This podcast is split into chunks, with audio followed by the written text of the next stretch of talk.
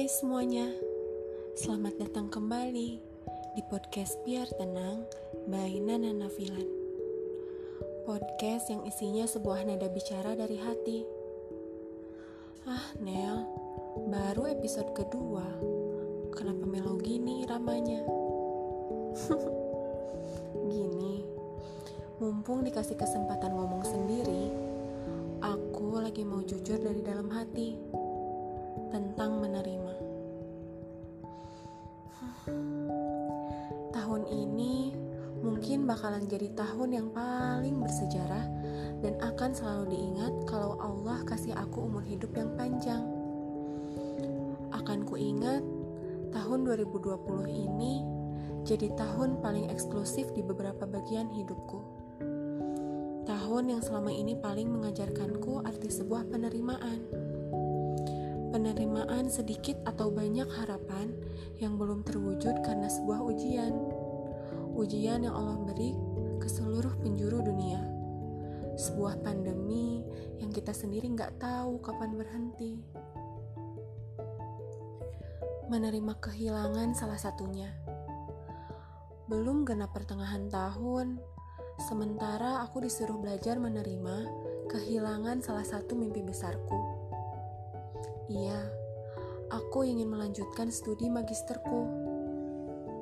Di awal tahun tuh, gencarku cari kampus-kampus terbaik di Bandung. Bersama harapan dan semangat, akhirnya aku berani mendaftarkan diri di salah satu universitas swasta. Bersama banyak doa, aku selalu sisipkan ceria menujunya. Tapi di bulan April kemarin, semua pupus begitu saja. Karena pandemi ini, calon kampusku itu menghentikan seluruh penerimaan mahasiswa baru karena akan dimatikannya sistem pendidikan tatap muka. Dan sampai detik ini, belum tahu kapan akan dibuka kembali. Yang kedua, menerima kesendirian. Sadar gak sih, apa-apa karena pandemi ini kita dituntut harus banyak bisa melakukan hal sendirian. Karena saking terbatasnya sebuah jangkauan, pertemuan, kebiasaan-kebiasaan, ya banyak hal. Apalagi untukku, perempuan yang gak bisa diem di ruangan, perempuan yang gak betah sendiri di tanah perantauan. Sekarang ini, banyak hal jadi harus apa-apa sendirian.